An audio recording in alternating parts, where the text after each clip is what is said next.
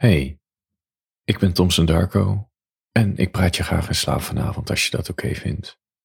Het is het idee alsof ik naast je lig, voor je gaat slapen. De dag nadat ik mijn woning was verloren door een brand, eh, stond ik op een station en ik kon me nog herinneren, want ik werkte een paar dagen in de week in Arnhem. En ik had, mijn ik had dus geen woning meer, dus ik ging naar mijn ouders. Maar ik voelde me nog heel zwaar, weet je, want nou ja, een dag eerder, die, die, ik moest het gewoon nog verwerken. Een dag eerder mijn woning verloren.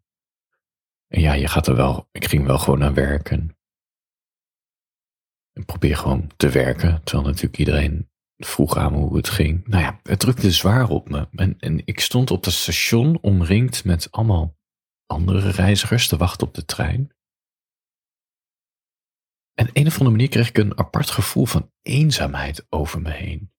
Ik voelde me heel bewust um, de, ja, de afstand tussen mij en de ander. En ik dacht, je moest eens weten dat hier een gast staat die een dag eerder zijn woning heeft verloren. En ja, ik kwam natuurlijk over zoals elke reiziger. Ja, je staat daar met je werktas en je jas en handen in de zakken en mijn kin verstopt onder de rits voor de gure wind. Maar niemand weet het natuurlijk, wat ik, wat mij is overkomen. En het doet er ook niet echt toe, maar ik was me er heel bewust van, snap je? Die, die afstand tussen mij en de ander.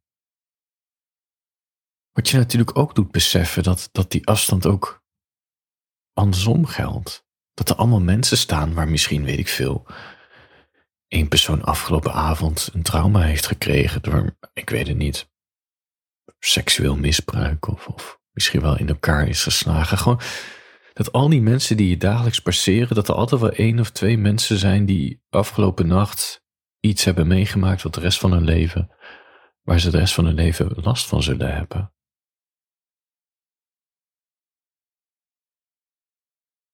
En, nou ja, dit is op een station. En op Utrecht Centraal is het natuurlijk helemaal vreemd. Helemaal als je wacht op een trein, je gaat er zitten op een bankje en je gaat niet naar je telefoonscherm kijken. En dan zie je gewoon in een paar minuten honderden mensen voorbij komen. En, en je kan, ja, ja, ik moet zeggen, het is een hobby van me, met je mensen kijken. Maar dat besef dat al die mensen die langslopen, die denkt, ja, wie zou er een verkrachter zijn? Wie heeft zijn vrouw in elkaar geslagen? Wie is er misbruikt? Wie heeft er geld gestolen? Wie is er naar een orgie geweest? Gewoon allemaal van die dingen waar je het nooit met elkaar over hebt, maar ja, toch gebeurt het in deze wereld. En al die mensen die je passeren, er is een kans aanwezig dat een van die personen aan die duistere fantasieën voldoet. Ik heb een paar jaar later na die brand, kreeg ik echt heel veel last van angst en paniekaanvallen en ik had heel erg last van, ja, volgens mij dat anticipatieangst. Dus angst voor de angst. Ja, het overheerste gewoon mijn leven. En ik, ik heb me nooit ziek gemeld. Maar het was elke dag vanaf het opstaan was het angst. Op kantoor verschijnen was angst. Ja, ik had gewoon heel veel angst. Ik kan het niet eens goed uitleggen. Het was gewoon, het was overleven. En het gaat met pieken en dalen, weet je. Het is niet dat je de hele dag door angstig bent, maar het overheerst wel je dag.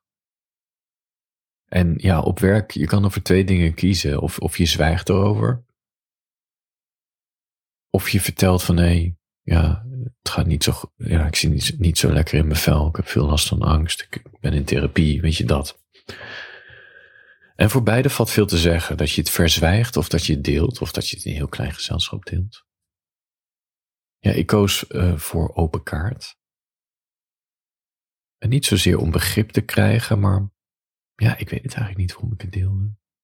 Ik dacht, ja, wat heeft het voor zin ook om het verborgen te houden? Dit is waar ik last van heb. En, het was niet zo van dat ik ging zeggen van nee, ik heb vandaag heel veel last van angst. Het was juist niet op het niveau dat ik vertelde waar ik nu per direct last van had. Dat gaat me sowieso heel moeilijk af, kan ik je bekennen. ik zal nooit heel snel zeggen dat ik een paniekaanval heb. Zelfs niet tegen de mensen die dichtst bij me staan. Maar ik bedoel meer dat ik zei van, nou ja, ik zit in therapie, het gaat niet zo goed, weet je, een beetje pieken en dalen. En, uh, ja, nou dat. Er gebeurt iets wonderlijks als je het deelt met mensen. Of dat je zegt, nou ja, ik ben depressief. Die periode, dat kwam weer een paar jaar later. Waar ik ook gewoon bleef werken, maar ik was wel officieel vastgesteld depressief. Dat heb ik ook gedeeld met mensen. En dan gebeurt er iets heel wonderlijks. Het is echt heel, best wel bijzonder eigenlijk. Ik heb het nu over twee periodes. De, de periode dat ik, dat mijn dagen overheerst werden door angst. En de periode dat ik gewoon depressief was. Nog net op het niveau dat je kon werken. Maar ja, je, ja die zwaarte neem je gewoon de hele dag mee. Als je het zegt tegen mensen, dan kom je erachter dat je niet alleen bent. Dus je eigen zwakte, of nou, zwakte is misschien verkeerd woord, je eigen worsteling delen, dat geeft de ander toestemming om ook hun verhaal te delen. Dus toen ik vertelde van hé, hey, ik worstel heel erg met paniekaanvallen en, en, en angst daarvoor. Ik denk wel één op de drie collega's, dan zeggen collega's waar ik het meest mee samenwerkte, die hadden soortgelijke verhalen. Over hunzelf, over hun eigen leven. En ik was toen halverwege twintig, denk ik. En al die collega's, ik was een van de jongsten. Ik denk, ja, er zaten collega's bij die een paar jaar ouder waren, maar ook die al in de vijftig waren of eind vijftig. En bijna allemaal die ik sprak en die zeiden van dit heb ik ook gehad, die hebben bijna allemaal hadden ze een periode in hun leven gehad waar hun dag ook werd overheerst. Dus niet eenmalige paniekaanval, maar waar ze heel veel paniekaanvallen hadden. En niet alleen dat, het waren best wel schijnende verhalen. Ook van nou ja, een collega die is zelfs opgenomen geweest in de kliniek, die dacht dat ze gek werd. En een andere vrouw vertelde, nou ja, ik heb dan geen paniekaanvallen, maar ik heb wel, ben zo zwaar depressief geweest dat ik gewoon een half jaar mijn bed niet uit ben gekomen. En dat die angst nog steeds haar dag, nou niet haar dag overheerst, maar nog steeds die angst aanwezig is van zal ik ooit weer in zo'n depressie terechtkomen en verlies ik dan mijn baan? Ja, dus wat ik hiermee wil zeggen is, ik had opeens gesprekken met mensen. Ik heb het nu nog even over die paniekaanvallen die zelf periodes hadden meegemaakt. En het is heel fijn om erover te hebben ook. En je merkt ook dat iedereen er toch op een andere manier mee omgaat. Ik, ik, kan ik kon nog steeds niet Ehm, als ik alcohol nam tijdens die periode, dan ging het helemaal mis. Ik kreeg gewoon een paniekaanval. En ik moet, nu, ik moet nu nog steeds oppassen voor alcohol. Het triggert. Het kan het triggeren. Als ik een beetje gespannen ben en alcohol neem en ik ben niet thuis of een plek waar ik me veilig voel, dan kan ik een aanval krijgen. Maar ik had collega's die zeiden, ja, het enige wat me hielp met die paniekaanvallen was gewoon heel veel zuipen. Dat verdoofde en dan had ik er nergens meer last van. Ja, maf hè. Nou ja, een paar jaar later had ik last van een depressie en ik koos er weer voor, andere werkgever, andere mensen. Om het gewoon te zeggen waar ik last van had. En dan kom je dus achter, nou ja, niet alleen dat sommige mensen ook zware depressies in hun leven hebben gehad, of gewoon depressies in hun leven hebben gehad, maar dat een aantal collega's gewoon, uh, hoe heet dat? hoe heet het woord als je chronisch depressief, heet het zo? Nou ja, ik had dus collega's die chronisch depressief waren. Dat wist je ja, nooit geweten. En als ik het niet had gedeeld, was ik er nooit achter. Die zeiden van ja, ik slik al 20, 30 jaar antidepressiva. En uh, mijn vader ook. En uh, mijn neef ook. En het is een soort familieding. Uh, met name in het na, zeggen, in de winter, dan, dan wordt het heftig. En ook een periodes gehad dat werken niet meer ging, maar dat het nu allemaal onder controle. Weet je, allemaal dit soort verhalen. Wat is het inzicht wat ik hiermee opdoe? Ik denk, en dat, dat merk je niet alleen met mentale worstelingen, maar ook met wat andere onderwerpen, daar kom ik zo uh, zo op terug.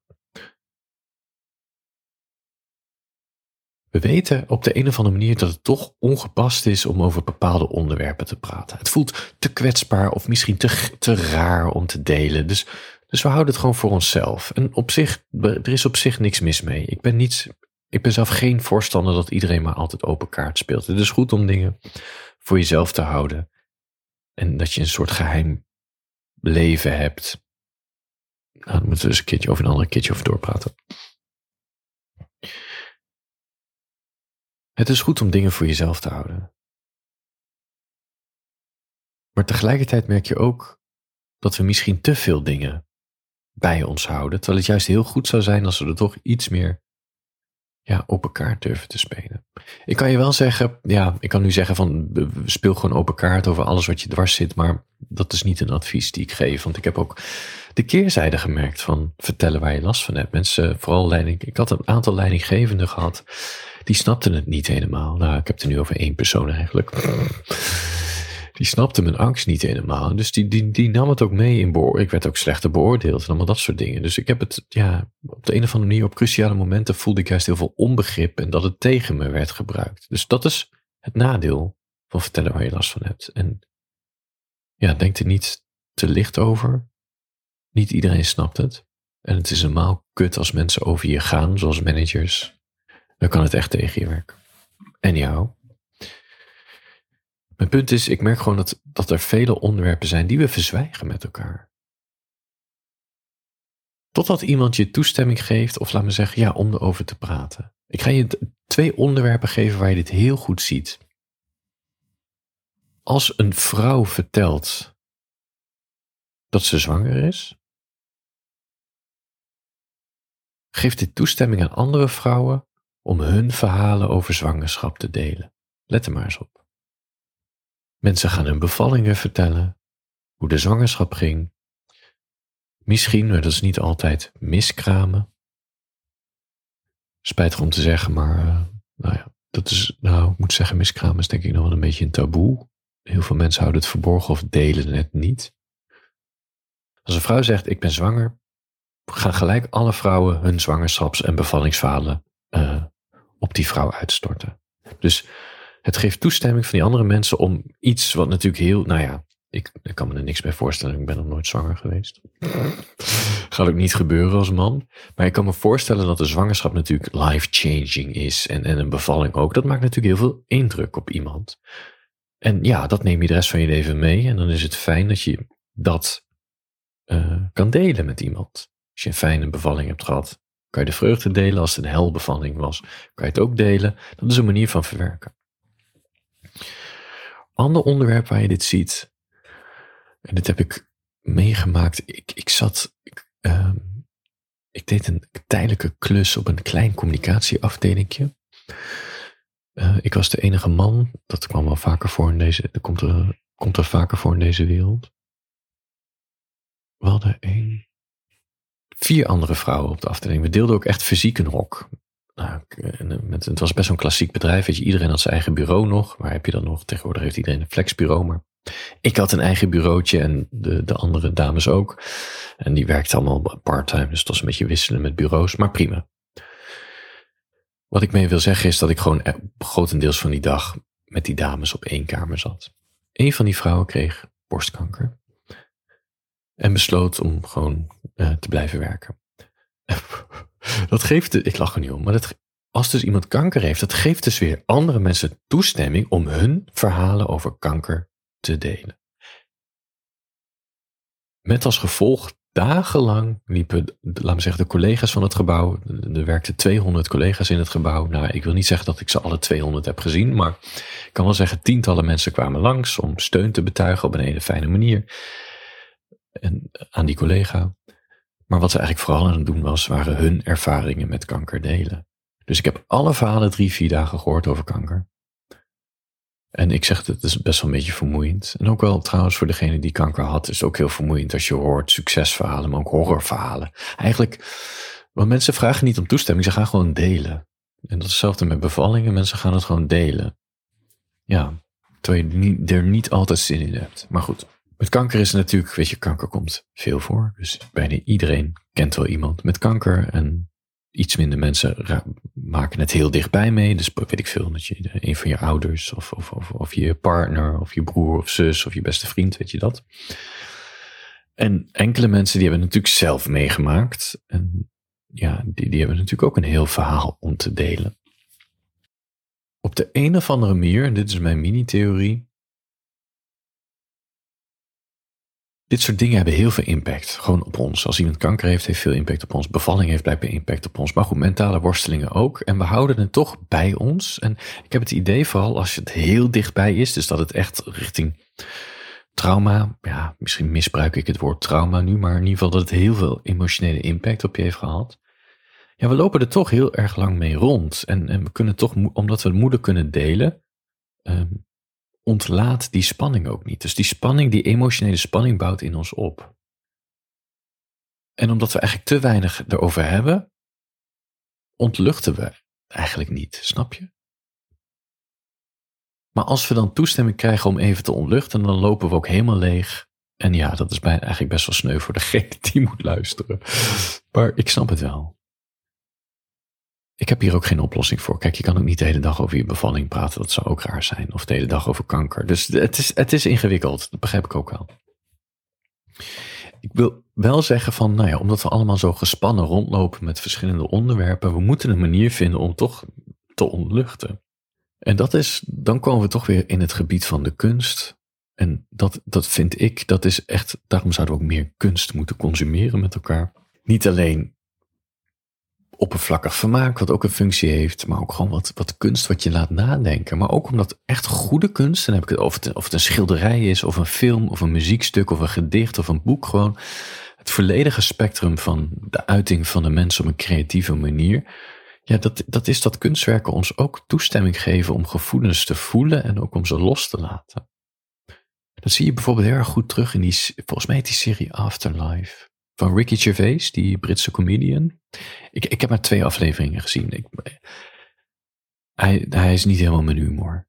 Geen, geen negatief woord over hem hoor. Het is gewoon niet mijn smaak. Maar ik heb wel gezien het effect van die serie. En ik volg, ik, ik, heb, ik heb Ricky ook een tijdje op Twitter gevolgd. En dan zie je dat hij heel veel. Nou ja, Afterlife gaat over rouw. En die serie begint als Ricky Gervais zijn vrouw is overleden. Hij speelt dan een karakter. En hij heeft totaal geen zin meer in het leven. Dat, dat is een beetje waar die serie over gaat. En dan ja, probeert hij weer uh, zin in het leven te krijgen, soort van. Het is een van de best bekeken Netflix-series ooit. En dat zegt wel iets. Want blijkbaar, met z'n allen, het is natuurlijk begrijpelijk, de dood, vroeg of laat, zullen we het allemaal meemaken. Nou, we gaan niet alleen zelf dood, maar ook de mensen om ons heen. En de pech is dat het soms zo gebeurt op jonge leeftijd, dat mensen om je heen te vroeg overlijden. Soms kan je nog wel een tijdje uitstellen in het leven, maar vroeg of laat maken we allemaal de dood heel dichtbij mee. En dat geeft natuurlijk heel veel gevoelens van rouw. En het is ook best wel moeilijk om over die gevoelens te blijven praten. Vaak is de formule toch dat mensen na twee maanden ophouden met vragen uh, over ja, iemand die is overleden, bijvoorbeeld. Terwijl die gevoelens zelf nog jarenlang door kunnen gaan. En je ziet dan aan zo'n serie als Afterlife dat niet alleen de best bekeken serie, Netflix-serie ooit is, maar levert Ricky ook duizenden hartverwarmende reacties op. En elke keer als hij iets post op Twitter over die serie, allemaal mensen eronder die, ja, die hem bedanken over. En, en ja, eigenlijk geeft Ricky elke keer toestemming aan mensen om hun rouwverhalen te delen. Van oh, die serie is zo mooi. En ik heb dit ook meegemaakt toen mijn vader overleed, of dit of dat, of toen mijn vrouw. Die serie gaf heel veel mensen toe, toestemming om rouw te voelen. En ook een manier van verwerken. En dat is wat kunst moet zijn. En ik heb dat zelf, nou, ik heb het vaker gezegd, maar mijn favoriete schilder, die heet Edward Munch, een Noorse schilder rondom de 19e eeuw. Die heeft zijn hele leven geworsteld met mentale uh, dingen. Ik denk zelfs dat hij wel een beetje borderline had. Maar als je zijn biografie leest, dan zat heel erg eh, te pieken en te dalen met zijn emoties. Eh, hij was geen stabiel persoon. En hij heeft ook heel erg veel geworsteld met, met, met paniekaanvallen en met, met depressie. En dat zie je terug in zijn kunst. En daarom raakt zijn kunst ook mij zo. Bijvoorbeeld de schreeuw. Dat, ja, dat, dat is gewoon voor mij de metafoor voor een paniekaanval. En nu ik dit zeg, voel ik zelfs emotie in me. Omdat dat schilderij staat zoveel meer dan alleen dat schreeuwende gezicht. Het, het geeft mij toestemming om, om begrepen te worden. En ja, het is fijn als je via kunst je begrepen voelt en gezien voelt en, en je toestemming krijgt om die spanning in je leven even los te laten. Dan zeggen al die pijn en angst die Edward ooit gevoeld heeft, dat hij dat in zo'n schilderij heeft gestopt. En als ik er naar kijk, dat ik het ook voel en, en dat er een soort emotionele zuivering in mij plaatsvindt. Ook wel in het Grieks catharsis genoemd, de, de, wat echt het hoofddoel van kunst moet zijn. En het is ook wel gek voor je gaat slapen. En het zou je misschien verbazen, maar ik ben best een, ik ben een opgewekt persoon. Ik heb altijd zin in de dag. In dat opzicht ben ik echt een optimist. Gadverdamme. Ik word walgelijk van mezelf. Ik ben, laten, nou, ik wil het woord optimist eigenlijk niet gebruiken. Ik ben een opgewekt persoon. Maar tegelijkertijd hangt er elke dag een wolk van duisternis om me heen. Daar kan ik niks aan doen, dat is hoe ik de wereld ervaar. Ik zie een hele grijze wereld om, uh, om me heen. Zwart en wit bestaat niet. Ik zie overal de nuance in en ook de tragiek. En ja, de tragiek vind ik ook, er zit ook weer een schoonheid in de tragiek. En ik heb het zelfs als ik wandel over straat. Ja, wat kan er nou gebeuren als je wandelt? Maar ik zie overal tragische taferelen. Ja, volgens mij heb ik het wel eens vaker gezegd, maar in deze wijk hebben ze heel veel nieuwe bomen geplant. Dus ik loop elke dag langs. En die bomen, die worden dan vastgehouden met van die spanbanden. En die spanband zit dan weer om een houten paal heen. Dan hebben ze dan twee of drie van die paaltjes om die boom meegedaan. Alleen die paaltjes, die zijn natuurlijk van hout. En op de een of andere manier vind ik dat heel tragisch dat een nieuw leven, de boom, omhoog wordt gehouden door een dode boom in de vorm van een houten paal. Dat is gewoon absurd als je dat kijkt en over na gaat denken. Je denkt, hier klopt iets niet. Dit is heel, alleen de mens kan zoiets verzinnen. Ja, het is toch een beetje alsof je je overleden opa gaat opzetten. En dat midden in de woonkamer zet, of nog erger nog bij je, bij je, naast je bed neerzet. Dat je elke wakker wordt dat je naar, naar het lichaam van je opa kijkt, maar dan opgezet. Het, ik weet niet, het is gewoon gek. En best wel luguber, maar het heeft wel iets tragisch of zo. Het is toch alsof je een varken varkensvlees geeft, snap je? Er klopt iets niet. Je mest een varken vet zodat wij het kunnen eten. Maar het zou gek zijn om die varken vet te mesten met, nou ja. En het is dan ook. Aan die einde van die boom, even die boomreeks hier, daar heb je zo'n hele, zo'n vierkante grijze kast staan. Best wel een groot ding. Het is wel ongeveer, het stopt bij Nee, het is wel iets kleiner. Ja, weet ik eigenlijk niet. Is die klein? Stopt denk ik bij mijn schouders. Ik weet niet zo goed wat het is. Ik denk een stroomkast. Ik weet het niet zeker. Maar die dingen zijn zo lelijk, die kasten. Het is altijd vierkant, grijs of, of van steen. Er zit geen schoonheid in. En het, het, het, het vloekt ook altijd met het landschap. Dit hebben ze nog een beetje verstopt rondom de struiken. En nou ja, een paar van die groeiende bomen met houten palen eromheen. Het klopt gewoon niet. Waarom doen we dit soort dingen? Waarom? Waar is de aandacht heen of zo? Waarom is het zo lelijk?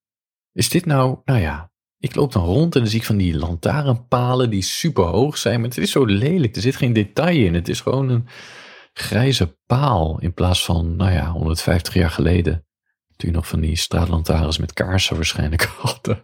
Die dingen waren heel mooi ontworpen, zoals in Londen. En je ziet nog wel aan de Oude Gracht in Utrecht hebben ze nog wel van die replica's. Dat, dat is heel mooi. Maar waarom maken we ons straatbeeld zo lelijk? Waarom? En elke keer als ik langs een schoolplein loop, zie ik alleen maar stoeptegels en geen bomen en geen groen. Waarom maken we onze omgeving zo. Het is allemaal zo tragisch en lelijk. En überhaupt, waarom denk ik hierover na? Daar kan ik ook niks aan doen. Dit is hoe de wereld tot me komt. Het is lelijk, maar daarom en daarom juist weer tragisch. En dat vind ik juist dan weer mooi of zo, snap je? Dat dit ons leven is, onze wereld, waar we elke dag doorheen bewegen. En dat het ook meer niet gaat worden. Dat dit is wat blijkbaar de westerse beschaving is. Fucking lelijkheid. Je voelt je toch anders als je zo de wereld ziet. Je voelt je raar en vooral omdat niemand erover begint, ga je, vooral, ga je al heel snel denken dat er iets mis is met je.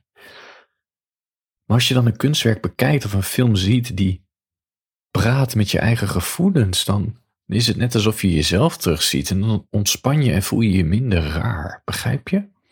En het zou nog fijner zijn als je het met andere mensen over kan hebben die hetzelfde hebben. Dat, dat, dat haalt die spanning eraf. En dat heb ik bijvoorbeeld ook bij mijn, met mijn echt duistere gevoelens. Weet je, een boom en een paar paaltjes eromheen zien, dat wil ik niet per se duister noemen, misschien eerder absurdistisch. Maar ik kan heel moeilijk die duistere gevoelens uitleggen. Maar toen ik de serie The Leftovers zag op HBO Max, staat die nu. Ik mag hopen dat hij er nog steeds op staat. Ja, ik kan geen, geen enkele andere serie bedenken dan die zo dicht bij me komt als de serie The Leftovers. Dat mensen zo'n donkere serie durfden te maken over pijn en de zinloosheid van het leven en verdriet en rouw en melancholie. En het is ook nog eens heel spannend en een beetje spiritueel en er, is ook, er zitten hele menselijke personages in. Ja, kippenvel. Elke keer weer als ik die serie opzet, er gebeuren dingen in mijn lijf. Ik voel me zo één met wat ik daar op het scherm zie. Ja, vooral als je een beetje depressief bent of in zo'n periode ziet, dan moet je juist deze serie opzetten. Dat is echt als thuiskomen. Serie Leftovers gaat over dat volgens mij 4% van de bevolking van de een op andere dag is verdwenen. Beetje spiritueel gezien, gewoon letterlijk verdwenen. Mensen die opeens weg. En die serie volgt dan een aantal personages de komende jaren, hoe, ze, ja, ja, hoe de wereld eigenlijk worstelt met dit verdriet. Er worden sectes opgericht en nou ja, personages zelf worstelen met gevoelens of verdriet en, en, en zinloos. Nou ja, ik kan het niet eens uitleggen. Het is fantastisch en mysterieus. En het gaat zo diep. Ik kan nog steeds niet voorstellen dat, dat mensen ooit deze serie gemaakt hebben. Ja, omdat het zo dicht bij mijn gevoelens komt. Ja. Ik pleit gewoon voor meer eerlijke en rauwe kunst, denk ik.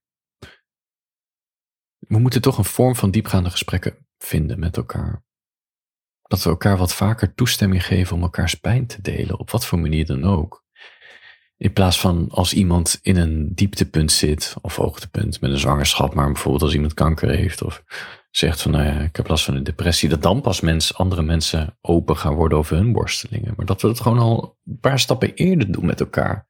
Ja, ik, of zoiets. Nou ja, misschien is het ook wel een utopie, maar ik weet niet. We moeten wat meer ontluchten. Misschien is dat wel wat ik zeg. Als we ons veilig voelen, maar wel wat vaker doen. En misschien niet op toestemming vragen. Of op toestemming wachten. Het zou ons allemaal wat minder raar maken, denk ik. Ja. Als het goed is, want als het goed is luister jij als je in slaap wil vallen. Ben je nu in slaap gevallen? Zo niet. Um, Vergeet niet om even vijf sterren te geven in je podcast-app. Als je vier sterren wil geven, doe het dan niet. Ik wil dat mijn ego gevoed wordt met vijf sterren. Doe dat. Um, ja, je kan me ook steunen via petjeaf.com slash Wordt enorm gewaardeerd. Want het houdt mijn kunst levendig. Handjes boven de dekens. Slaap lekker.